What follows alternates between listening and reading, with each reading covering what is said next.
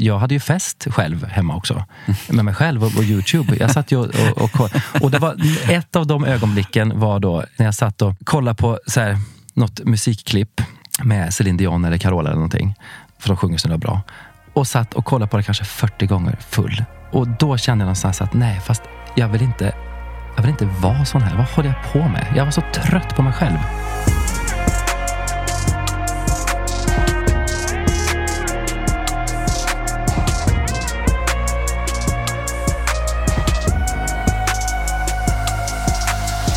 Jajamän, då kör vi ett nytt avsnitt av Hedman och Hedén, en beroendepodd. Och du heter Nemo Hedén. Ja, det gör jag. Och du heter Ja. Magnus Hedman. Ja, det gör jag. Och du sitter här brun och fräsch. Brunkysst. Ja. Säger man så? Nej, s- jag vet inte. Det kan man säga. Brun. Ja. Solkysst. Nej, men Sol- sols- solkysst heter det ju såklart. Ja. Jag skulle nästan kalla dig solsmekt faktiskt, med din eh, blonda frisyr också. Ja, men det, det är en fin kombination när man. Mm. när man har blivit solbränd och har lite blonda slingor. Det var väldigt somrig. Kul, du ser fräsch ut. Tack. Jo, men jag känner mig, eh, som jag sa förra veckan också, redan då tror jag att jag sa att jag känner mig på Mm. uppgång. Och det har fortsatt så även denna vecka. Så att det, jag försöker hålla i det, liksom. att Mm. rida, rida på den här vågen mot godare, gott, fint mående. Mm. Ja, det är bra. Det är bra. Själv då? Hur mår du? Jo, bra. Eh, jag jobbar ju på hårt i medberoendegemenskapen och det ger mig sjukt mycket, alltså, eh, måste jag säga. Eh, Vad är svårast, vad är svårast tycker du med det där? Med, med det programmet. Det är mer att göra än det var i beroendeprogrammet. Alltså mycket mer per steg att göra. Eh, det som är jobbigast är väl att det tar mig tillbaka till min barndom mycket, mycket mer än, än de första tolv stegen som handlade om att bli nykter och drogfri. Här handlar det ju väldigt mycket, tycker jag. Jag kommer tillbaka mycket till liksom barndomen. Och, och det jag är inte här grejer som jag inte har reflekterat så mycket över. Jag har väl sagt det vid tillfälle, något tillfälle, men just det här Inför varje sommarlov så gick jag med ångest för att jag visste att vi skulle åka iväg med mormor, moster, eh, mormors man, mamma. Och jag visste att det skulle bli kaos. Alltså det här förbannade seglet på flaskorna, Explorer-flaskorna. Och så jag hade ångest inför mina sommarlov. Om inte jag hade så här, typ Gothia Cup eller några fotbollsturneringar där jag kunde i alla fall få vara borta då eh, lite tag. Och det där har, har börjat eh, processas i mig nu. Mycket, mycket mer i medberoendeprogrammet faktiskt. Så det är, lite, det är lite tufft måste jag säga. Ska vi tipsa om lite medberoende gemenskaper? Det kan vi göra, absolut. Det finns ju Alanon och så finns det Coanon. Och om man är en knarkis eller alkis då? Ja, vad kan du ge oss några då? Ja, då har vi ju AA, vi har CA, vi har DAA, vi har NA. Vi har många gemenskaper, både för oss som är själva brukaren och de som lever i närheten av oss. Så eh, vi rekommenderar ju alla att vända sig till någon av de här gemenskaperna om man känner sig träffad i dessa beskrivningar. Det är så starkt. Eh, Jag var på ett ett medberoendemöte i måndags, eh, ett talarmöte där det är en person som pratar om sitt liv då, då i en halvtimme. Och det är så starkt att få känna igen sig i en annan persons eh, liv och problem och hur de har gjort för att ta sig ur det och hur de tänker och ser på livet idag. Och så där.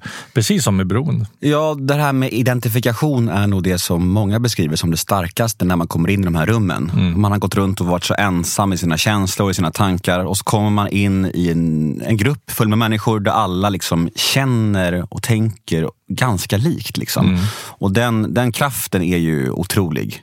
Så det rekommenderas så varmt. Jag fick en grej till mig själv. Jag vet inte vad... Jag tycker faktiskt att den här är rätt fyndig för att komma från mig. Nemo, Men... Try me.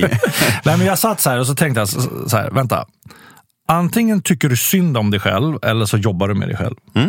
Och det, det blev ett så starkt mantra för mig. Du kan göra en sån här mem kanske, där du, Ja. där du är en bild på dig och så Ja. är texten under. Exakt. Nej, men så här, okej, tyck synd om dig själv eller jobba med dig själv. Det, the choice is yours. Det är bra. Och eh, med det sagt tycker jag att vi plockar in veckans gäst. Det blir spännande. Och jag har skrivit en liten presentation här. Oj, Jag tänker att jag ska ha det som stående grej nu inför varje podd. Ja. Att jag har en liten text här. härligt. Det gillar Ja. vi. Då kör vi! År 2002 slog eh, Mattias Holmgren igenom med dunder och brak i dokusåpan Fame Factory. Efter det fick han en brottarhit med låten Det är något som kan hända vem som helst. Sedan ersatte han Magnus Carlsson som sångare i Barbados och man såg Mattias lite överallt. Men vad hände sen och vad gör han egentligen i vår beroendepodd? Ja, allt detta ska han få berätta själv nu. Välkommen in Mattias Holmgren! Oh, tack så mycket! Välkommen! Välkommen! Tack! Vad jättefint att vara här tycker jag. Ja, Kul att träffa er och eh, ja, känns jättebra. Härligt att du är här. varmt välkommen. Verkligen. Tack. Hur är läget?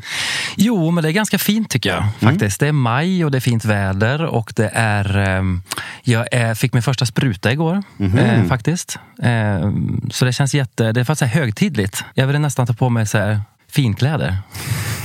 det var samma känsla som när när de går och röstar tycker jag. Ja. Faktiskt. Ja, jag. Kanske lite fånigt. Men, När får du andra? Men, ja, det vet jag inte än faktiskt. Nej. Jag ska hålla koll i, i appen där och så ska jag kolla. Men förhoppningsvis om några veckor då. Ja, man går in i appen och kollar om man får ta Ja, sprutan eller inte. I Stockholm, här Region Stockholm, så är det ju den här Alltid öppet-appen och då eh, kan man gå in där tydligen och eh, säga till att man vill ha en, eh, någon slags påminnelse när det är dags för nästa spruta. Då. Mm. Men det är väl några veckor har jag förstått. Så, så det, är- det är faktiskt fint. Jag, jag, ja, det är livet liksom. Jag skymtade dig på ett av de här mötena som vi pratade om för några veckor sedan. Och jag, Ja. visste, jag visste inte om att du var nykter. Nej. Nej. Och så hördes vi lite på sociala medier och Mm. nu sitter du här. Och eh, hur har... eh, Först, eller först och främst, hur länge har du varit nykter?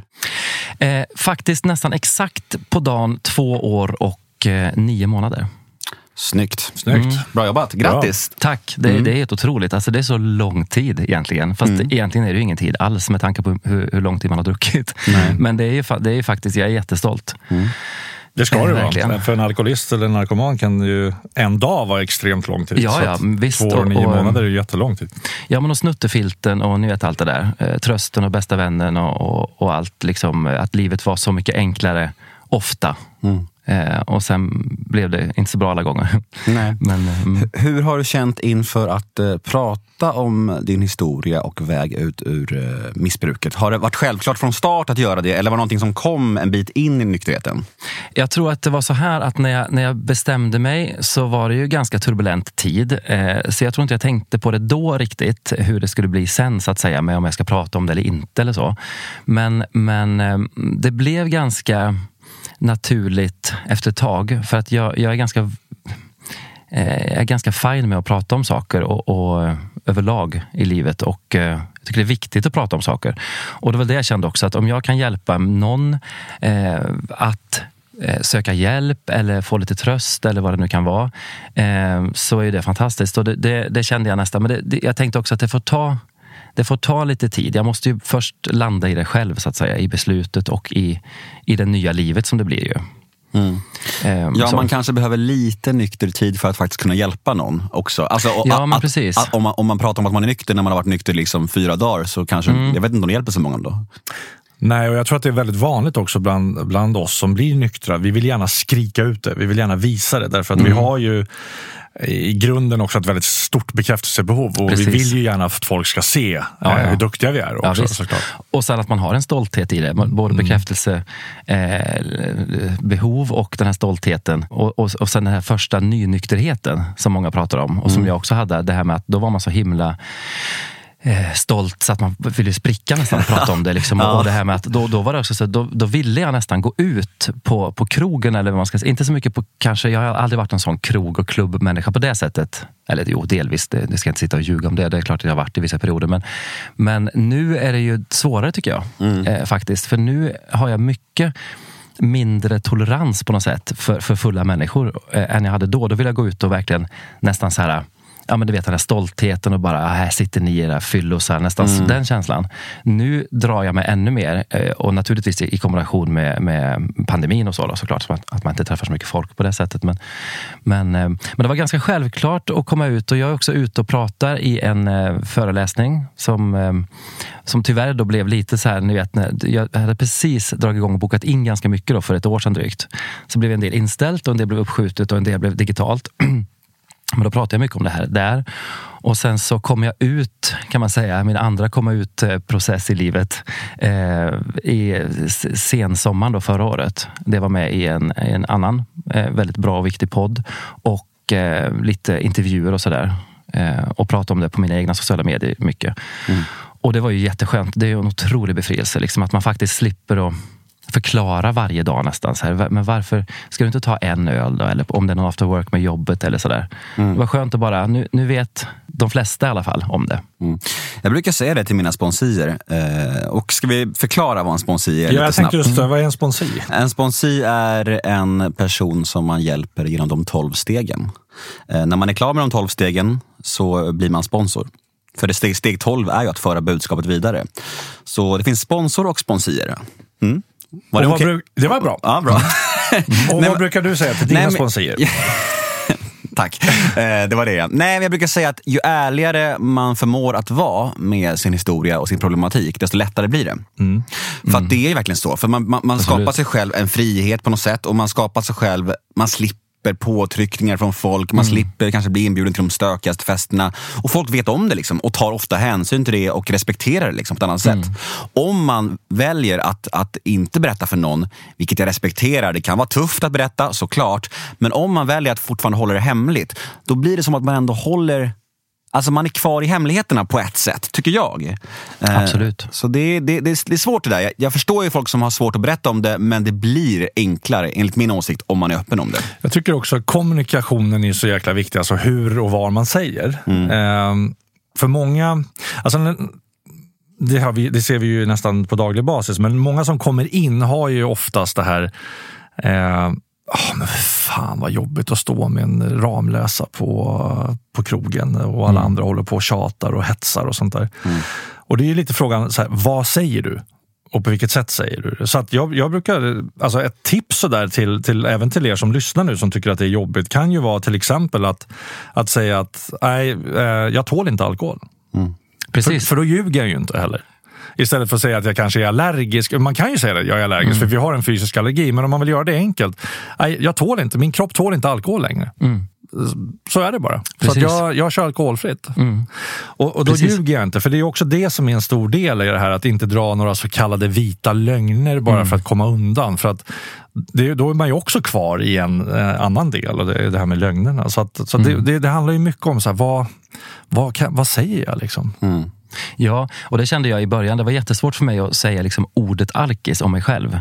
Eller alkoholist. Jag tyckte det var ganska tufft. Både på möten som jag var på i början och sen även annars. Liksom. Eh, och då var det också så att jag sa antingen precis så eller, eller så i, i vissa situationer så kanske bara, nej men det blir inte så bra när jag dricker helt enkelt. Det, det blir inget bra då. Eh, så att jag, jag skiter i det just nu. Mm. Och kanske inte sa att det var forever eller att det var en speciell tid. Utan bara, nej men just nu så... Eller så här, nej men det, det har varit så jäkla mycket ett tag så att nu, nu ska jag dämpa lite. Mm. mm. Typ. Så, ja, så länge man kan stå mm. för det man, man säger liksom, och slippa ljuga så tror Precis. jag det är viktigt. Mm. Vi brukar göra så här att våra gäster brukar få dra en liten sådär ska vi kalla det för en life story. eh, där de berättar lite om sin uppväxt och hur deras liv har, har varit. Och, hur det var, vad som hände och hur det är idag. Precis så. I, i ganska komprimerade drag liksom. Ja, men typ en typ, halvtimme. Typ en halvtimme. Ja. ja. ja. ja. 40 minuter. Nemo ja. kommer med all garanti sticka in några frågor. Ja, ja, ja. Vad skönt. Vad skönt om jag skulle tappa tråden. eller om jag, skulle, liksom. jag tror inte du är en sån som tappar tråden. Men jag man aldrig. Jag kan bli, jag kan bli långrandig. Ja, ja, men då, då, då, då, då sticker jag in huvudet. Hugg då. Sticker jag in huvudet. Hugg, ni får hugga båda två. Ja, ja visst.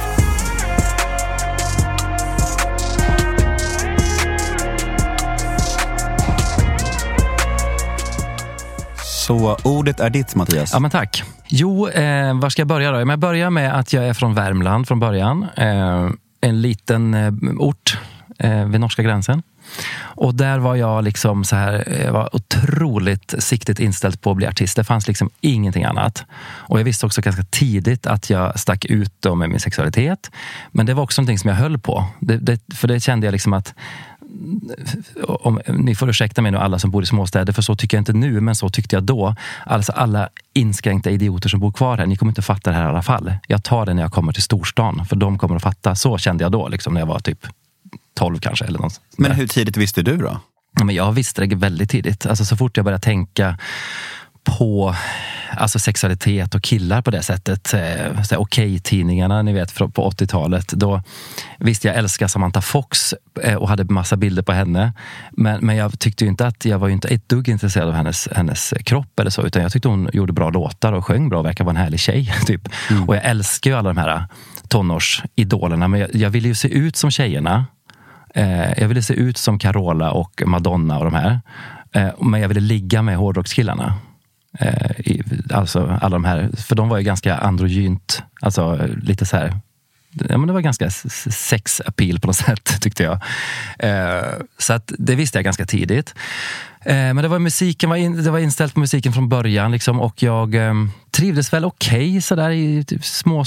Jag längtade ju på ett sätt att flytta därifrån, men jag tyckte ändå inte det var jättetufft att, vara, att bo där. Liksom. Jag hade ett, ett gäng i gymnasiet som jag trivdes väldigt bra med. Vi startade massa projekt.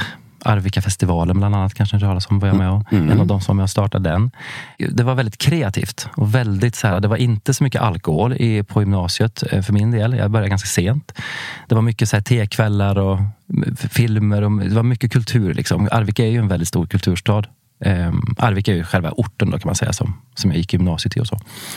Eh, sen så flyttade jag till eh, Stockholm efter ett tag efter gymnasiet och eh, Ja, men sen var det bara liksom, det var olika skolor, alltså folkhögskolor och, Kulturama var en sån här skola som var mellan liksom, eh, högstadie eller gymnasiet kan man säga och, och högskola. Så sjöng jag där, det var bara musik, musik, musik hela tiden. Får jag fråga en sak? Bara? Ja, mm. Absolut. Hur, hur såg förutsättningarna ut hemifrån? Föräldrarna, vad var det för typer? Liksom? Mm, men det, var, det var bra. Det var tryggt och eh, de var väldigt... Eh, jag var yngst, eller är fortfarande yngst. Jag har två äldre bröder. Jag var lite sladdis.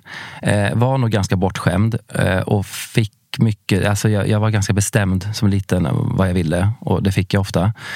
Och eh, nu är jag ganska lugn tycker jag ändå. Så jag, jag har ett lugn på ett annat sätt nu såklart i vuxen ålder. Men då var jag ganska, jag var ganska hysterisk tror jag. Väldigt så här på liksom. Men det var bra, det var lugnt och skönt. Det var, det var inte speciellt mycket drickande på det sättet. Det, det, jag vet ju att det finns i släkten, längre bak i släkten. Alltså farfar och, och sådär. Eh, jag vet att det dricks mycket, har druckits mycket i släkten.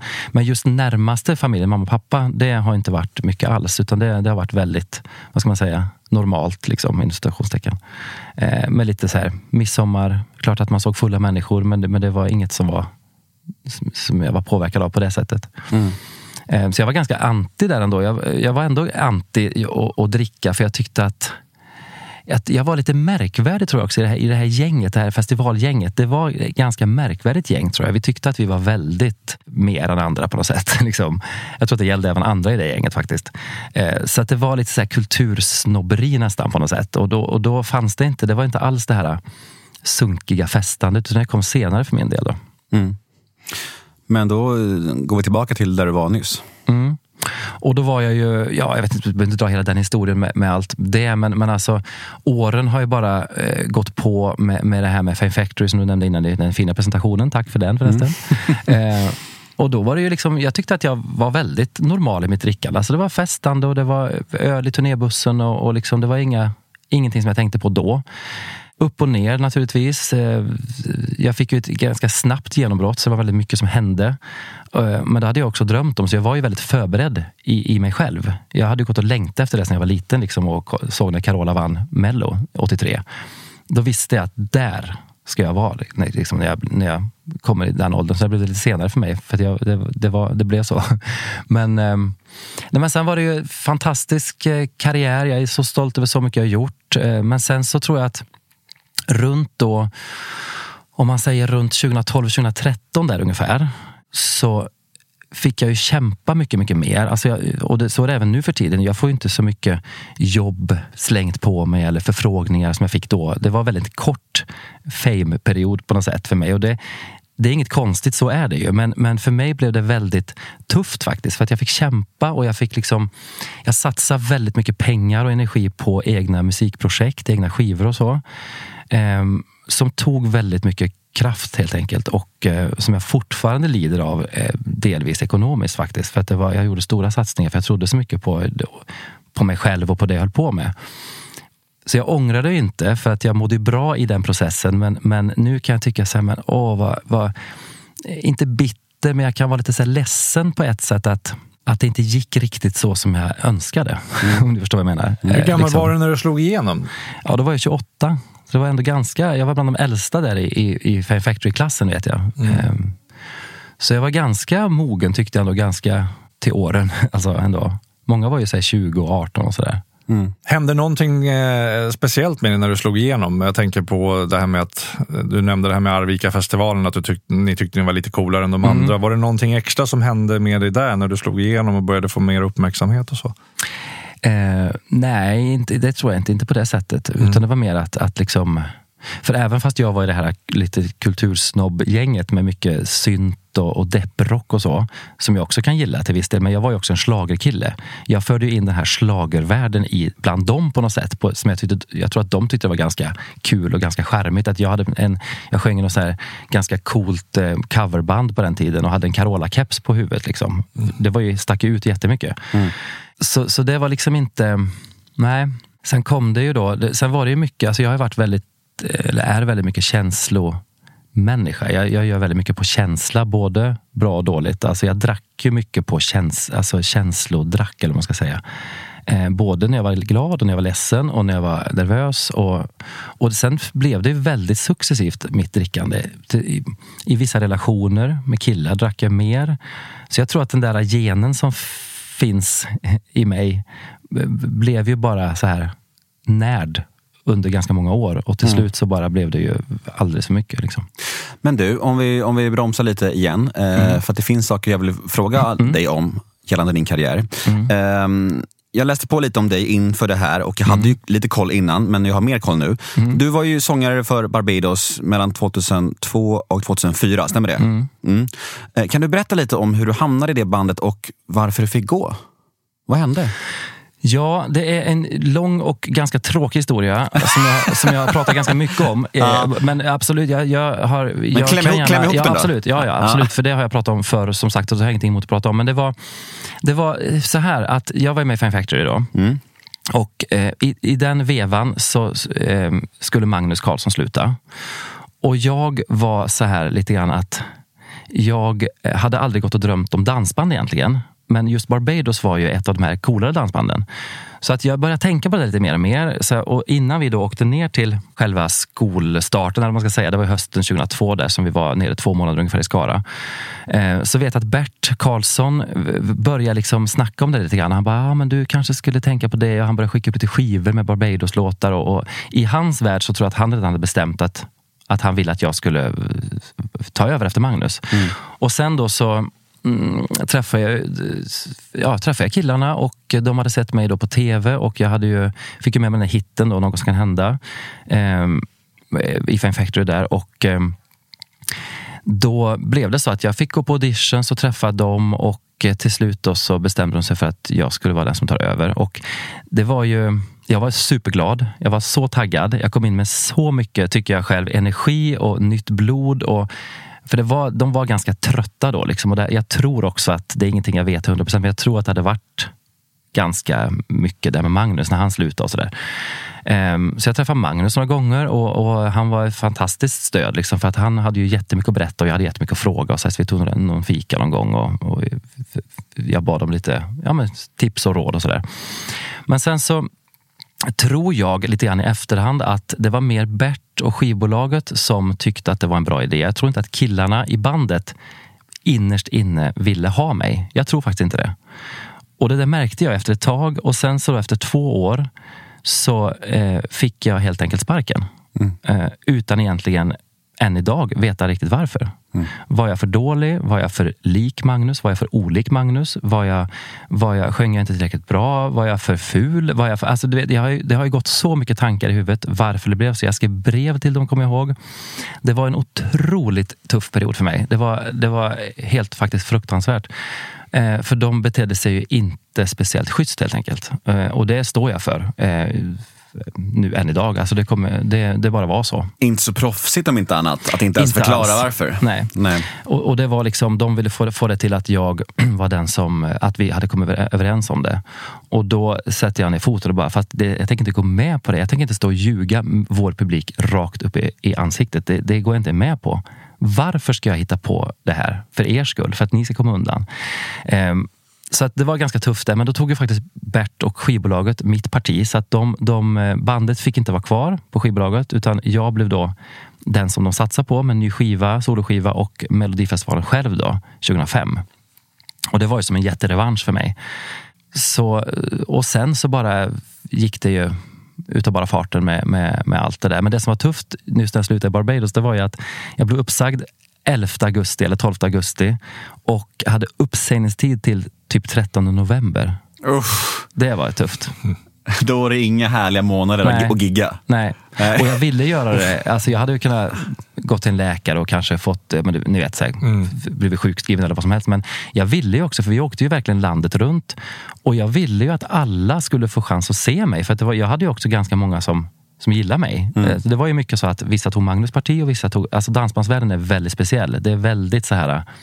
eh, Jag var väldigt illa omtyckt av vissa och, och jätteomtyckt av vissa. Och tvärtom med, med Magnus. Då. Eh, Och det var en stor kostym att fylla, absolut. Jag, jag kan tänka på det nu, så här, men jag ska inte sitta och ångra någonting, för jag ångrar absolut inte, för jag lärde mig jättemycket. Men jag kan känna lite så här, fan, jag kanske inte skulle ha gjort det där ändå. Det, för det, det, var, det var tufft alltså. Det var jättesvår uppgift, även om det var också jätte, jätteroligt naturligtvis. För jag lärde mig skitmycket och det var, vi hade jättekul eh, på de här turn- Sverige-turnéerna eh, också, absolut.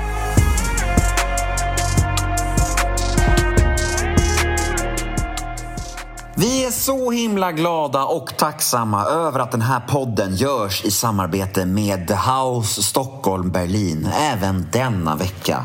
Denna fantastiska öppenvård med bas i Stockholm. Men varför är vi då så tacksamma över just detta? Jo, det ska jag tala om för er nu.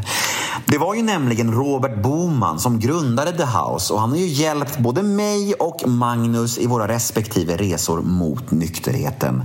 Så vi vet ju med andra ord att man är i väldigt goda händer om man kontaktar The House. Det kan vi faktiskt till och med gå i god för.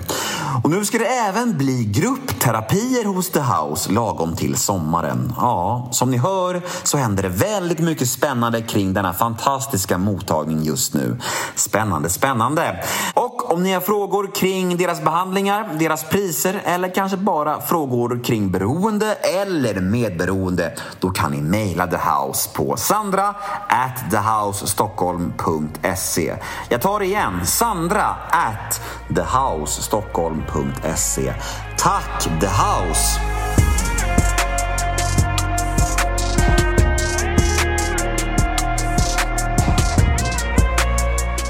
Ska vi hoppa framåt där vi var då igen då? Och tillbaka till när det börjar bli problematiskt. Det går ganska bra med lite, det är bra att ni hugger in här och liksom, det går Styr ganska bra med mina sidospår va? Ja, ja, gud, jag ja. tycker det går Absolut. hyfsat. Ja. Jag tycker det är kanon. Och, Ja. och, och, som sagt, man säger till om man vill liksom inte missa någon historia. Ja, Liksom. men precis. Mm.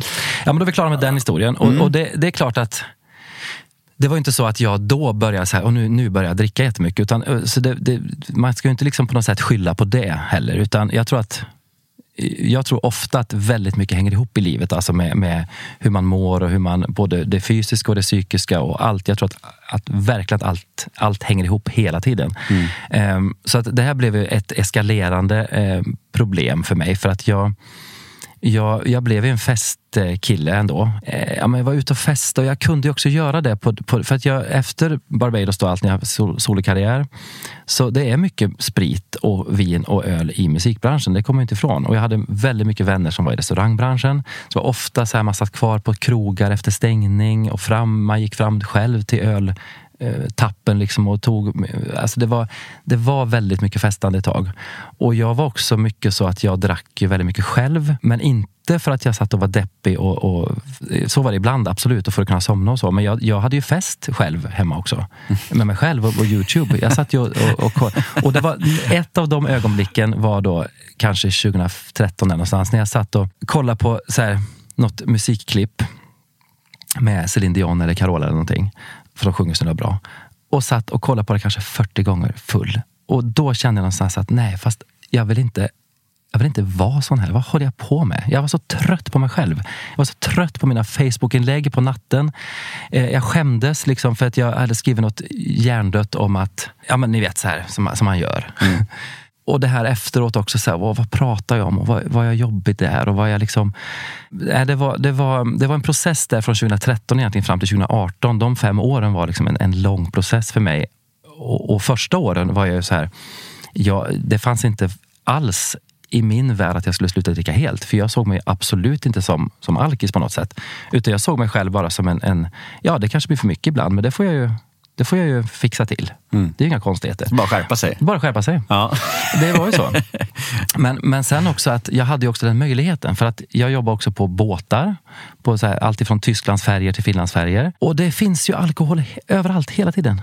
Det var fest, då var det, jag var ganska, eller vi var, det var nolltolerans ofta på de båtarna när vi jobbade så att säga. Och det var ju väldigt, det var ju som en räddning nästan tror jag.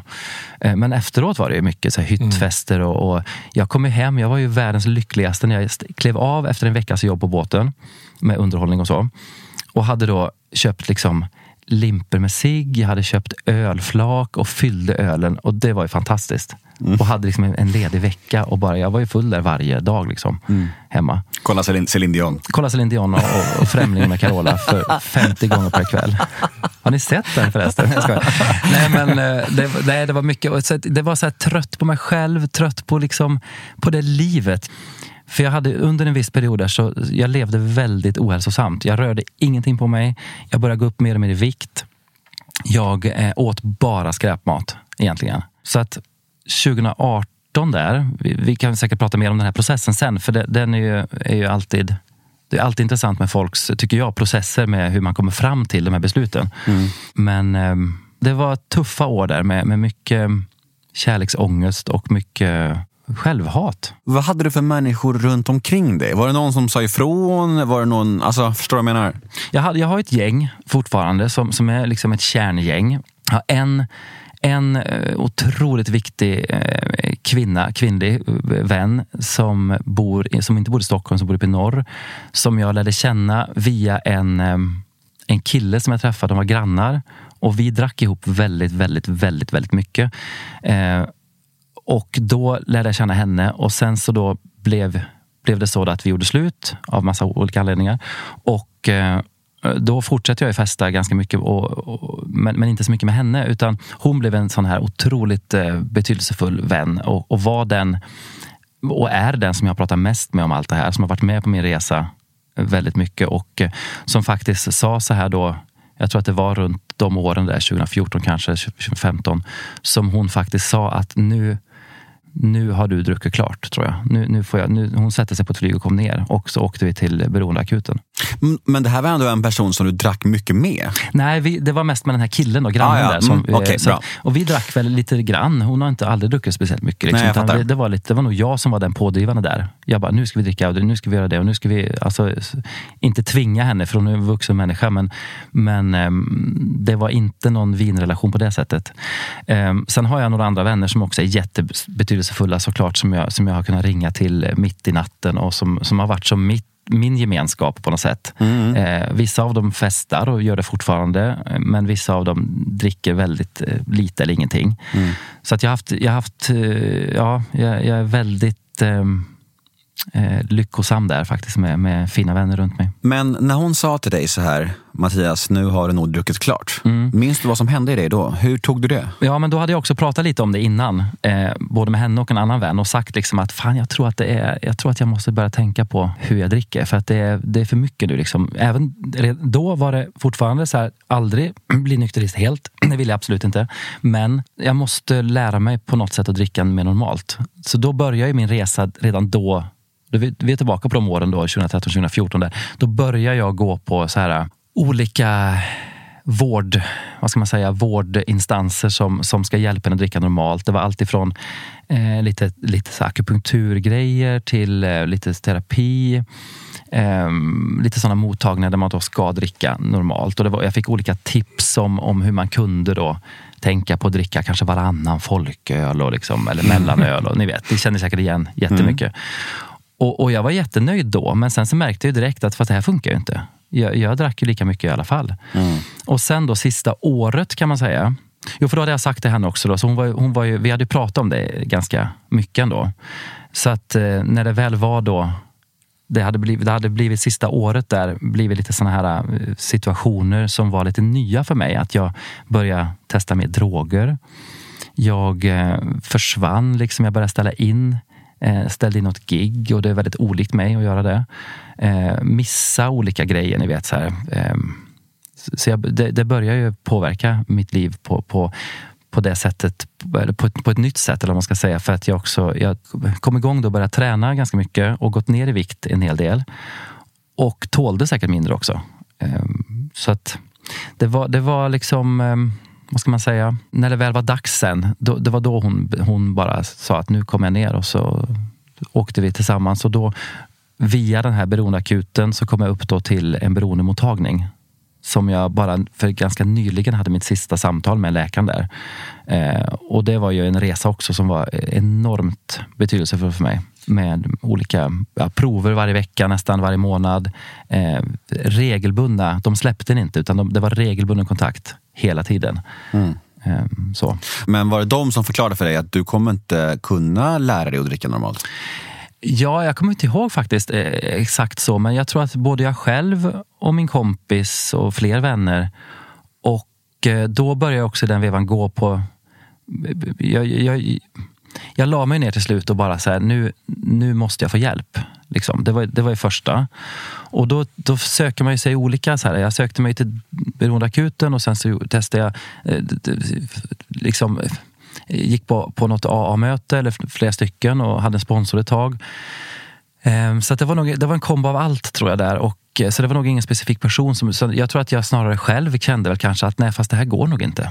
Hände det här när du hade börjat med droger? Det var, gick det snabbt neråt då? Ja, det, det blev... Eh, det var så här också att jag, jag levde med en, en, kille då, ett år ungefär. Och vi drack inte så mycket tillsammans. Men när jag inte var med honom så drack jag desto mer. Mm. För då skulle jag kom, kompensationsdricka på något sätt, tror jag. Och eh, det var också vissa ja, men, lite så vanliga kärleks, alltså svartsjukegrejer och sådär som jag var nog inte redo för ett förhållande på det sättet då tror jag. För jag var väldigt, ställde ganska mycket krav och sådär. Men, men, eh, och mådde ju inte bra i mig själv då heller Eh, såklart. Det var då det började med de här galna efterfesterna och när det började bli liksom droger och kill grinder-träffar som jag knappt visst, vet vilka de var. Alltså det började, började ja, men ni vet, så här, oskyddat sex. Alltså det var, jag började leva mycket mer riskfyllt det sista året. Mitt sista aktiva år var, var livsfarligt. Alltså. Det var någon, eh, en av mina bästa vänners kompis hade sett mig eh, rangla runt på en stor väg i Solna halv tio en torsdag morgon. Mm. Jag har inget minne av det. Jag vet bara att jag hade en skitig jacka dagen efter och att jag förmodligen har legat och rullat någonstans. Liksom, mm. Ändå tagit mig hem och så. För i början var jag också mycket så här att ja, men det är inte så farligt tänkte jag, för det händer ju inte så mycket grejer jag tappade inga telefoner, jag, jag blev inte rånad. Jag, blev inte, jag hade ju hela tiden de här försvars... Men, men det stämmer ju inte. Nej. För att det var ju så. Jag tappade ju så mycket telefoner och jag ramlade. Jag var på, på någon sån efterlängtad egen semester på Gran Canaria. Lite så här gay centrum med, med väldigt mycket klubbar och sådär. Och eh, bröt revbenen. Mm. Eh, på, för jag ramlade på natten där på väg hem. Så det, hände, det är klart att det hände grejer. Man brukar prata om ett etiskt och moraliskt förfall. Mm. Att, man, att man skjuter upp gränserna för vad som är normalt och att Precis. man knappt inte ens ser det för man är helt fartblind. För att liksom, det, det, är som, det är som att man är mitt inne i det, då är det så svårt att, att, att notera hur man liksom skjuter på alla de här normala mm. gränserna. Mm. Och jag personligen hade massa grejer jag aldrig skulle göra. Jag skulle aldrig knarka ensam, jag skulle aldrig knarka nej, men, med mina syskon och sådär. Men mm. allt det här gjorde jag ju ändå sen. Ja. Och när man är väl inne i den snurren, det är så svårt och fattar det. För man skjuter ju upp det där. För, för, men vadå, jag är i alla fall inte hemlös än. Jag, är alla, exakt, jag har inte tagit sprutor än. Liksom. Och, och, till slut så har man ju ingenting kvar på den där andra sidan av saker som man inte har gjort. Precis. Det är så jävla sjukt, för ja, man är ja. helt inne i sjukdomen. Liksom. Ja, Visst. Ja, det är obehagligt. Och, och, det var så jätteintressant att lyssna på en av era gäst, tidigare gäster som jag haft nu, nu eh, här. Och just det här som jag också tycker är så viktigt att, ja ja, men, men visst det hände och det var, man drack jättemycket och så. Men just det här, just vägen dit och det här också som vi pratade om att eh, bilden av alkisar. Mm, mm. Att det, det, är så många runt omkring oss som är som har problem, men mm. det inte syns. De sköter sitt jobb, de, de är välklädda och snygga och välvårdade. Och, och, men just det är inte bara de här där det har gått liksom till, till fullständiga botten på något sätt. Ja, men det tycker jag är en grej som är värd att upprepa. Ja, det här, för, det, för det är ju verkligen en av de största missförstånden vi har gällande alkoholism och narkomani. Mm. Att folk tror att ja, men alkisar det är parkbänksgubbarna Mm. och narkomaner det är folk med sprutor i armen. Liksom. Och det är ju visst, de har ju också sjukdomen men de är ju på den absoluta slutstationen av Mm. sjukdomen. De allra flesta alkisarna och narkomanerna är ju folk som eh, har vanliga jobb. Alltså funktionella missbrukare som får, Mm. Får, får liven att funka utåt sett helt okej men Mm. mår piss på insidan och eh, beter sig jävligt illa hemma ofta. Liksom. Mm. Och, och jag var en sån. För, att, för mig gick det inte så långt heller så att jag förlorade lägenhet eller förlorade jobb på det sättet. eh, Utan det var ju det här att, men jag visste också att det, det är inte så jäkla långt fram. Så allvarligt blev det för mig. Liksom. Och, och det känner jag nu också. Jag skulle säkert kunna ta det, gäller säkert många. Jag skulle säkert kunna ha en härlig kväll och dricka några glas vin ikväll och imorgon. Men sen, tredje, fjärde dagen, det är då det, jag vet. Liksom, jag, jag skulle aldrig våga ta det här första. För att då kan jag hamna någonstans och, och bli rånad eller eh, ytterligare någon annan väg någonstans en, en torsdag morgon eller, eller börja... Jag menar, vad vet jag vad jag har dragit mig för droger? Jag har ingen aning om om det är råttgift liksom. Mm. Ingen aning. Nej.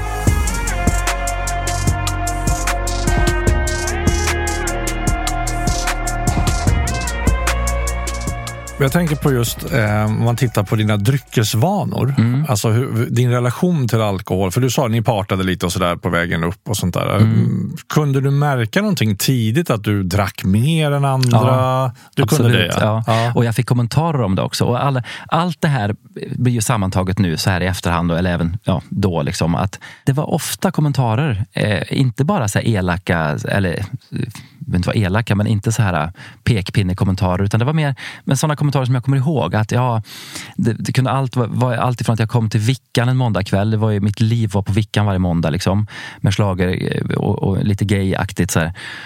Och, och när, när de som jobbar där bara eh, inte ens säger något, eh, säger inte ens hej utan det kommer en öl direkt. Ja, Mattias vill ha öl. Alltså det var, och, och Mattias spottar inte i glaset. Och nu kommer Mattias, nu är det fest. Och det var så, för att jag var ju en, en väldigt så här framåt och social och var uppe och sjöng på fyllan. Och bara, jag tyckte jag var så himla härlig. Eh, så, och sen också det här med att, att jag skämdes ju för att jag drack mycket snabbare. Det var skitjobbigt ett tag, kommer jag ihåg. Så väl, för att jag älskar ju öl så mycket. En kall öl. Och bara drack den där och, och liksom satt och nästan så här... Inte så att jag gick och smy, smyg, drack så här, passa på när inte de andra såg, men det var, det var inte långt ifrån. Att jag bara säger, jag, jag säger att det var lång kö och så hinner jag dricka en öl. Det var nästan så ibland. Mm.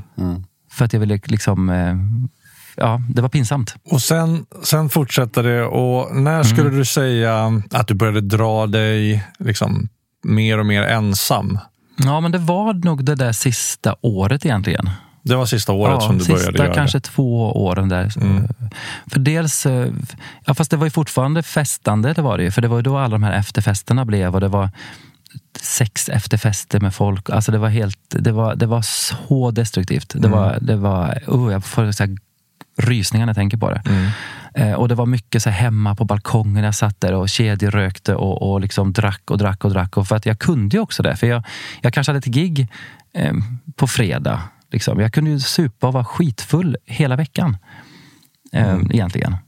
Så att det var ju så lätt också på något sätt. Och jag hade ganska bra med pengar då. Så att eh, liksom ändå, visst, vissa gamla skulder. Jag, allt, jag kommer nog alltid ha vissa så ekonomiska eh, problem tror jag på något sätt. Mer eller mindre. Men, men för att jag är ju en beroende person också. Det är ju det. Jag, har ju, jag kanske inte har ersatt det här egentligen med något annat. Men jag märker att jag, eh, jag, blir, jag, går, jag går lätt upp i saker. För att jag, jag söker hela tiden de här bekräftelserna eh, och belöningen hela tiden. Jag måste tänka på när jag äter godis till exempel. Eh, För det blir lätt för mycket. Om jag tränar så må, jag måste nästan säga till mig själv liksom att jag måste faktiskt ta det lugnt. Jag måste vila ibland också. Jag måste vila hjärnan och kroppen ibland. För, för jag går upp i det väldigt mycket. Eh, och så var det då också. Det var killar, det var, det var eh, fester och det var, liksom, det var som att det inte fanns en morgondag. Liksom. Mm. Men när du väl kom i kontakt med den här beroendeenheten och mm. din, din resa började på riktigt. Mm. Var det då spikrakt eller hade du, tog du något återfall eller var det skakigt? Eller hur var första tiden? Det var så här att eh, året innan då, mm. eh, för jag säger alltid att, för det, det är ju från, från egentligen augusti, 15 augusti 2018 är det ju liksom som jag inte har druckit en droppe sen. Men i, året innan där, det var då jag egentligen började ordentligt så här, gå till de här klinikerna och gå liksom med, med, med terapi och sådär. Och prata om det också med några nära vänner. Och då var jag nykter, helt nykter i fyra månader och tyckte att det var jättebra. Jag var nöjd och glad och jag såg det väl då som att ja, men det här är en början till jag vet inte vad riktigt. Vi får se. Så var det lite grann. Eh, och sen kom nyår och då började jag dricka lite där. Och sen så gjorde vi en utlandsresa, jag och den här killen som jag var ihop med. Och då drack vi där. Och så för det var ändå semester såklart. Man måste dricka öl på Kap Verde. finns det inte så mycket annat att göra. Och vi hade superhärligt och det var inga fylleslag på den semestern. Utan vi, vi drack väldigt så här vettigt tyckte vi. Liksom. Men det var då det började. Så det var egentligen sist, från januari där fram till då, eh, augusti. Liksom det, det dryga halvåret egentligen var eh, när, det, när det blev de här galenskapskvällarna. Jag hade de här fyra månaderna i bagaget ändå, så att jag visste ju att det gick. Och jag visste också att det inte var så himla... För då hade jag också gått på lite A-möten och så den och, och, och, tyckte om det.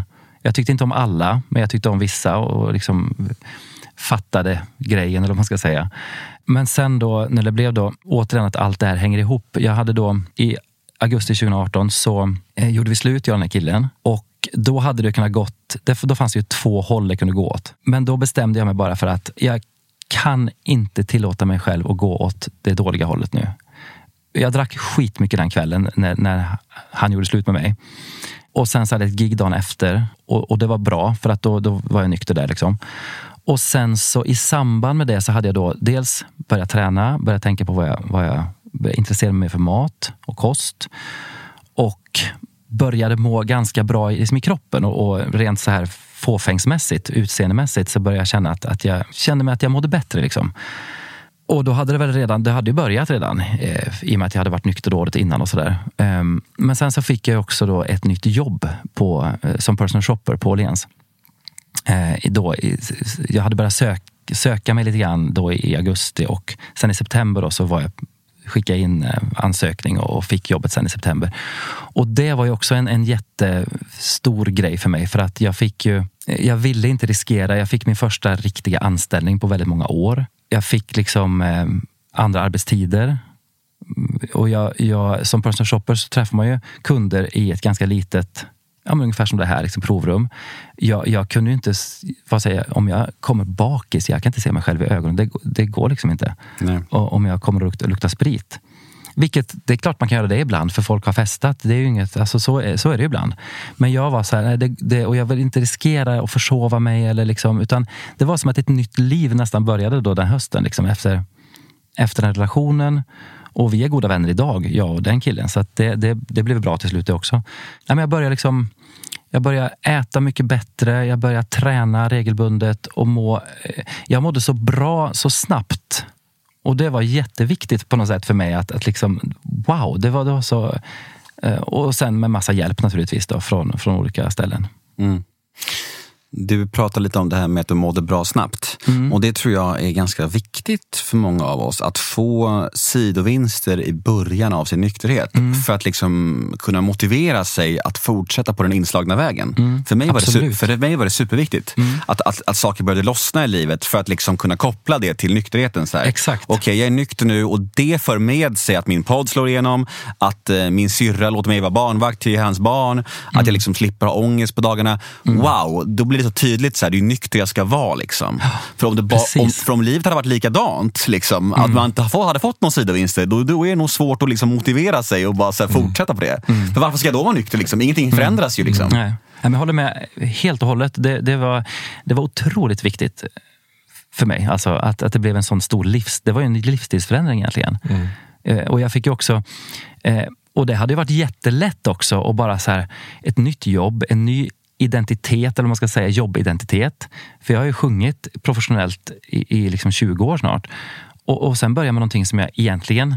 Jag hade ju jobbat lite med kläder innan och jag har alltid varit väldigt intresserad av kläder och tänkt att men det här klarar jag av. Liksom. Det, det, det är ändå inom det som jag tycker att jag kan. Eh, och det gick ju väldigt bra direkt och det går väldigt bra. Det är ett, det är ett otroligt kul jobb alltså på väldigt många sätt. Ehm, och, och jag, jag, har ett jätt, jag har ett bra självförtroende i det jobbet. Och det, det var också jätteviktigt att, att det var ett sånt jobb. Att jag faktiskt kände att, men det hade ju lika gärna kunnat bli mycket värre. Att jag hade varit så nervös att jag bara känt att jag måste ta en öl eller vad det, vad det kan vara. Liksom. Vi hade Jan Johansen här förra veckan och han Mm. har ju börjat eh, jobba lite som lärare, musiklärare Mm. vid, vid sidan om artistlivet.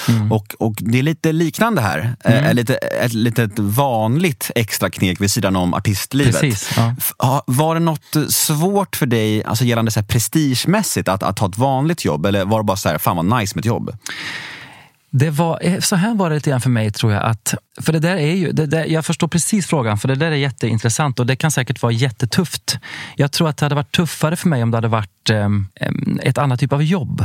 Eh, om du förstår vad jag menar. Alltså lite så här, antingen inom, om, jag, hade- om jag hade hamnat som, som karaokevärd det var jag i och för sig på, på och det var en, en fruktansvärd period i mitt liv. Eh, för några år sedan på, på, faktiskt på Gröna Jägaren. Det var helt, alltså, det vill jag inte ens prata om så jag förstår inte varför jag nämnde det.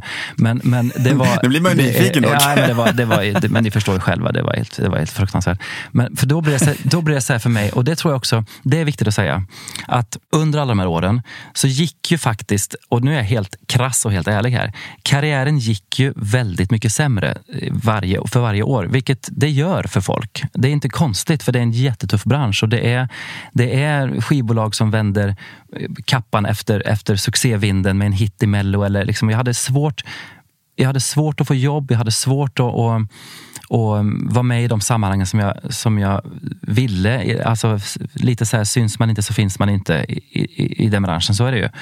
Och, och jag fick tjata mig till saker. Jag fick liksom eh, inte vara kvar på skivbolaget. Jag fick, liksom, jag fick kämpa jätte, jätte, jättemycket. Och I och med det här jag pratade om innan, i början också, med det här med att jag satsade mycket pengar och så här, och sen gick inte det så bra. Det är klart att det gör mycket med en. Det gör ju jättemycket med självkänsla och självförtroende. Och när karriären gick i mer och mer nerför, det var då drickandet började gå liksom uppför. Eh, och då tror jag att just att det var ett sånt jobb som personal shopper, på, det, det är så helt annat jobb. Det var också väldigt viktigt. Hade det varit karaokevärd på någon pizzeria i Jordbro eller hade det varit eh, eh, sitta på press, vad heter det, spärrvakt. Eller, alltså, jag menar inte att jag ser ner på den typen av jobb, men det var, det var liksom det, det var så eh, coolt, för jag tycker det, det är ett coolt jobb att vara liksom personal shopper på Åhlén- Åhlén. Det var det så, ja, men lite glamoröst, lite så här, fast det är ändå något helt annat. Och det var jätteviktigt för mig att, att liksom, för det är klart att en del känner igen mig där, både kunder och eh, folk som jobbar i huset. Ja, jag gjorde det. Ja, Ja, mm. men, och, det, och det, det, det förstår jag. Men, men det kan bli mer bli så rolig koppling för folk att de inte riktigt fattar. För de så, vänta, jag känner igen dig någonstans ifrån. Vad, är det från har, har du jobbat här länge? Har jag haft dig förut som personal shopper? Eller vänta, nej det stämmer inte riktigt. Det blir ganska kul möten. Liksom. Men det var, det var ja, men det, det, det är en, en jätteintressant eh, grej tycker jag. Att det, det beror nog på vilket typ av jobb det var också. Faktiskt. Hur skulle du säga då att ditt liv har eh, förändrats sedan du tog eh, steget och blev nykter? Det har förändrats väldigt, väldigt mycket i och med att jag... eh, Alltså livet är ju livet. Det är fortfarande Eh, dagar som är låga och jobbiga och tuffa. Runt 2016 när jag också drack väldigt mycket, då eh, gick jag in i den berömda väggen. Eh, I kombination med, tror jag, av att jag drack mycket, att jag gjorde jobb som jag inte trivdes så mycket med. Lite så här karaoke-grejer som jag ändå tyckte så här, det var liksom på något sätt och det, det är så svårt att säga det här, för jag vill säga det på ett bra sätt. För jag menar inte att det liksom är på något sätt eh, dåligt att jobba som det. Men för mig som ändå hade varit och nosat på den här stora liksom, drömmen och, och Melodifestivalen och sen då gå åt andra hållet liksom, på något sätt, om ni förstår vad jag menar. Gå lite, nästan lite bakåt. Jag tror folk Det- kan förstå. ja, jag tror folk fattar Ja, ja, absolut. Nej, men så här, man står på Gröna Jägaren och är karaokevärd. Så dåligt ljud, fulla människor. Eh, jag gjorde det för att jag var tvungen att ha pengar. helt enkelt. För det var lättare för mig att få det jobbet då än att få ett, ett, ett annat liksom helt nytt jobb på något sätt. Ehm, och så vet jag att Göta Lejon är mitt över gatan. Liksom. Jag stod och tänkte varenda kväll, tänk om Pernilla Wahlgren och de här som, som körde en musikal då kommer in här och ser mig här. Jag, jag, jag, jag skämdes ju och det är ju inte något bra liv att man står och skäms för det man håller på med. Nej. Så jag var inte kvar där så länge.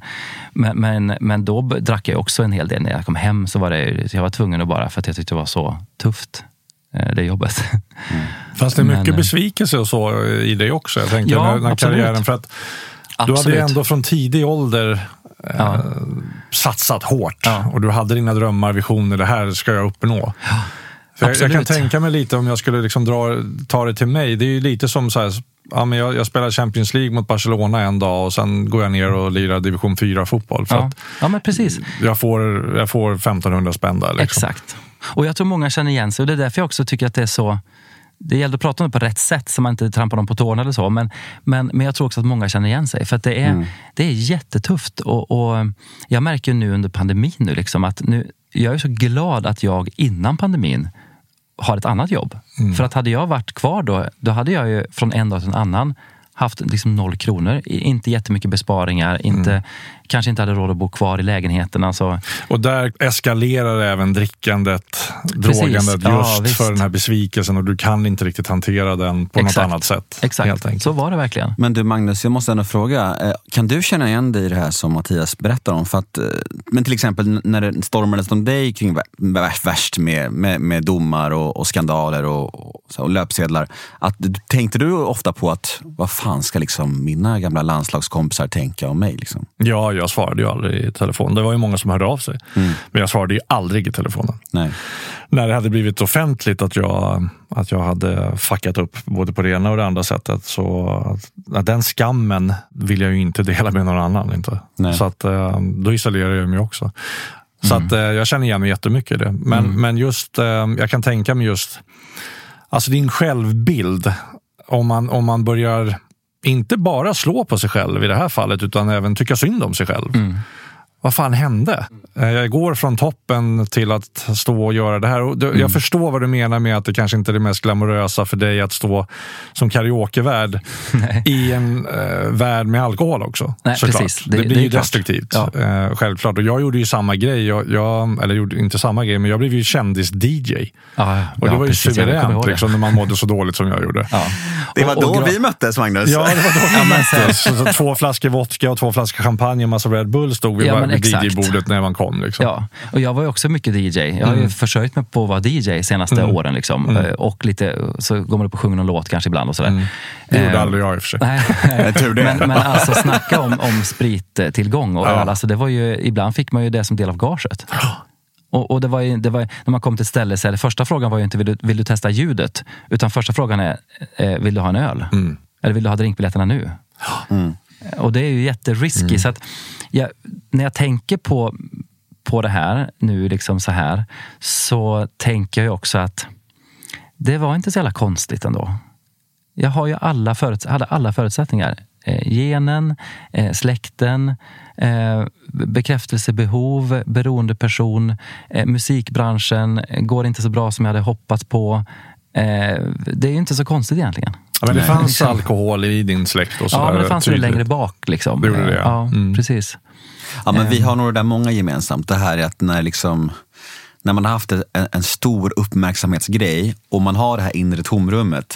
När de strålkastarna släcks så är det ju så jävla svårt att hantera. Alltså, Ja. alltså det, ja, usch, ja, det är Och svårt. det, och det är fortfarande svårt kan jag tycka. Alltså faktiskt, jag får kämpa med såna här grejer än idag.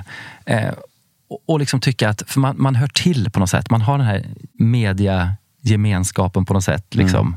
Ehm, och det kan vara allt ifrån till exempel att det, det, jag, jag tänker, sitter inte och tänker att åh nej, nu, nu, är, nu är hon med i Mello igen. Varför får jag inte vara med? För det tycker jag inte är konstigt. Att folk inte kastar låtar över mig och nu ska du vara med. För det, det, är- jag är snart 50 år. Jag, jag har gjort, jag hade en hit för 17 år sedan. Men det är mer andra sammanhang. Så här, men, prata om schlager eller prata om Eurovision. Som är, alla, jag tycker att alla vet att det är mitt stora intresse. Då kan jag bli så nästan stressad. Och det var det jag skulle säga förut. Att jag har ju, eh, 2016 då, så, när jag gjorde en massa såna här jobb som jag inte trivdes med och innan jag hade hittat den här grejen. Så här, ska jag fortsätta att hanka mig fast i musikbranschen och hänga mig kvar desperat? Eller ska jag börja tänka på något annat? Och det var redan då egentligen som jag började tänka på det här med att jag kanske ska jag kanske kan annat. Typ inredning, mode, vad det nu kan vara. Och då tror jag också att eh, men då har jag haft en, jag har ju en stress liksom, eh, som jag fortfarande får jobba med. Mm. Eh, jättelåg stresströskel. Hur jobbar du med den då? Jag eh, blir, lär mig hela tiden och jobbar med att bli bättre på att säga nej. Och det kan ju vara vad som helst. Det kan vara en fika med en kompis. Som är jättetufft för mig att ställa in eller säga nej till. För det här, återigen, självkänslan, vara till lags, inte göra folk besvikna. Den sitter jättedjupt i mig. Mm. Och det måste jag jobba med. Och um, inte vara rädd för, för, ehm, för, Nu har jag sökt väldigt mycket hjälp, men jag är fortfarande så att jag är inte dugg rädd för att, om jag känner att jag behöver, alltså söka någon mer hjälp. Kanske att, att ehm, jag har ju tagit den, det steget redan med att prata med läkare och psykologer. Och, alltså en del tycker till och med att det kanske är jobbigt att få en psykologtid eller prata med en psykolog eller prata med vården. Men jag har ju redan gjort det, så det är ju så lätt för mig. Och, mm. och det ju, finns ju jättemycket hjälp att få. Mm. Och det är viktigt att säga i sådana här sammanhang också, tycker jag. Att det finns ju, finns ju hjälp att få. När man väl ringer det första samtalet så, så kommer det att bli väldigt mycket lättare sen. Ja, vi pratar ju oerhört mycket om det här med att be, våga be om hjälp. Mm. Och, och, jag menar, pallar man inte att gå, vi jobbar ju till exempel med Mindler mm. Eh, där man kan eh, höra av sig digitalt mm. eh, och slippa liksom fejsa allting. Eh, man behöver inte sitta i ett väntrum och så vidare. Eh, så Det finns ju många sätt idag att få hjälp på om mm. man vill. Mm. Eh, men det är ju just det där steget. Just det här med när jag nu är ute och föreläser en del med, med, jag, jag, kallar min föreläsning för Våga för att jag tycker att det är så mycket mod i, i som man ska eh, ha, i, ha i beaktning, eller vad man ska mm. säga. Med, och, och, och just det här med musikbranschen, gayvärlden, det är också väldigt mycket eh, festande och klubbkultur och man träffar folk på krogen och det är dejtande på det sättet. Liksom. Så att jag tänker även där att, att eh, både det här med att få folk att våga söka hjälp, få folk att våga prata med en kompis. det, det pratar jag mycket om i den här föreläsningen. Jag tror att det är viktigt också även för, för gayvärlden ute i, i små orter i Sverige. Liksom, att, att prata även om det. Det är mm. också viktigt. Du eh, Magnus, vad säger du? Ska vi hugga tag i vårt eh, favoritsegment? The House svarar.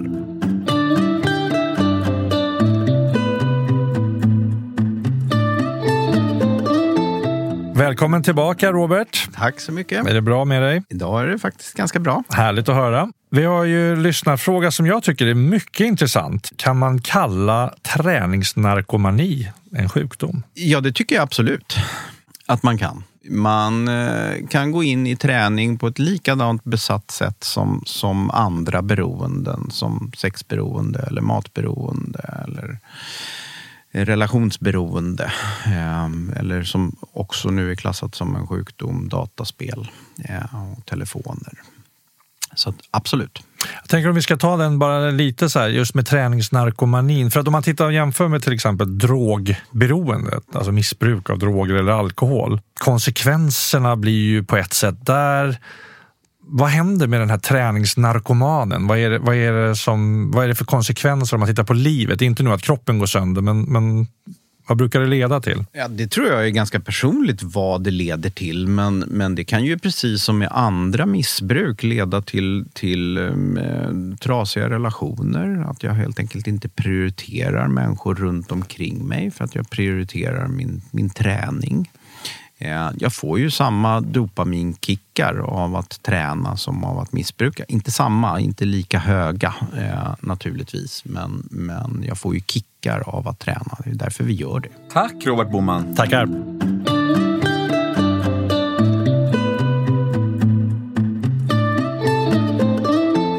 Tack Robert Boman för ännu ett eh, klokt svar och en klok fråga. Ja, glasklart. Mm.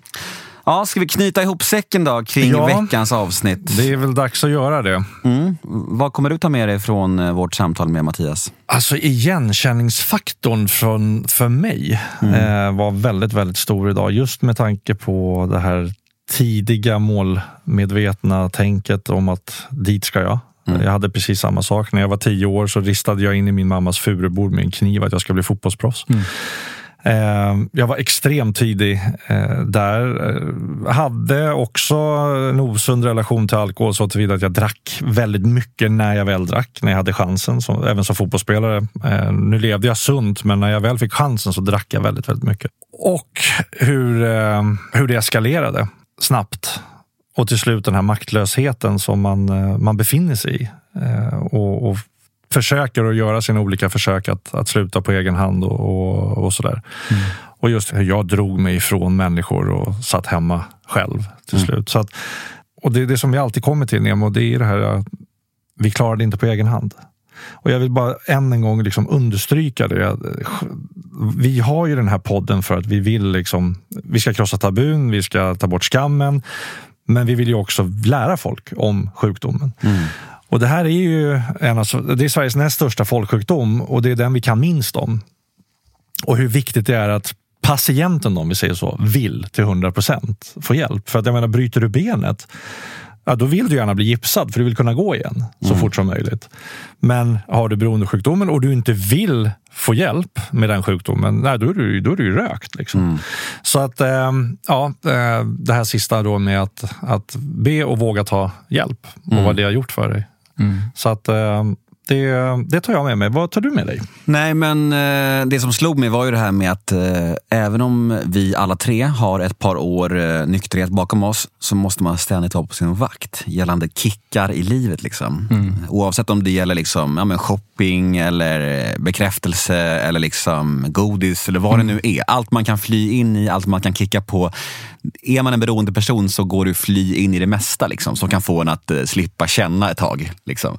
Mm. Uh, så det, det gjorde, gjorde mig obehagligt påmind om eh, vem jag är och var jag kommer ifrån. Eh, sen så lite det du är inne på Magnus, det här med att eh, Alltså jag tror att det är superviktigt att, att inte hålla på att jämföra sig med andra människor som är längre ner i skiten. Att, att gå till sig själv. Hur mår jag? Vill jag ha en förändring? Alltså, och, och, och våga gå på det. För att om du, om du jämför dig med, med folk som är längre ner i skiten eller folk som inte kanske är lindrigare däran, då kommer du alltid liksom inte känna dig då kommer du exkludera dig från det här. Liksom. Så jag tror att det är viktigast, viktigast att känna efter hur, hur det känns i en själv. Liksom. Mm. Vill jag ha en förändring, mår jag dåligt, ja men då, då, då ska jag skaffa den här förändringen. Mm. Och för att, för att vi har en beroendesjukdom och vi, kommer, den kommer alltid göra att man ska exkludera sig och jag passar inte in och jag är värre, jag är inte värre och allt det där. Liksom. Så att, ja, nej. Ja, det är farligt det du beskriver också. Om man ska jämföra sig och tycka, men så där långt är inte jag än. Exakt. Jag tar det, jag fortsätter. Det är ungefär samma sätt, sätt som att leta sin egna botten. Liksom. Mm. Precis. Vilket kan ofta sluta med död mm. istället. Och det vill vi slippa. Och botten kan ju se ut på så många olika sätt. Verkligen. Liksom. Ja, ja, visst. Så det är dumt att försöka hitta den. Tack så jättemycket Mattias för din tid. Tack ska ni ha. Tack ja. för att jag fick komma och eh, en väldigt viktig och bra podd. Ja, men tack. Härligt att ha dig här och lycka till framöver. Vi ja, får tack. väl gå och fixa lite personal shopper du och jag nu. Ja, men det tycker jag. Ja, det ska vi. Inte för att ni behöver, ja. men, snyggt, men snyggt. Eh, jag berömde dina byxor där, ja, första jag sa när vi kom. Tack, ja, tack. Det är väldigt snygga. Ja. Äh, men det tycker jag ni ska göra. Absolut. Absolut. Vi, vi, vi får ta en sväng inför sommaren nu. Mm. Tack allihopa! Tack för att ni har lyssnat. Hej då!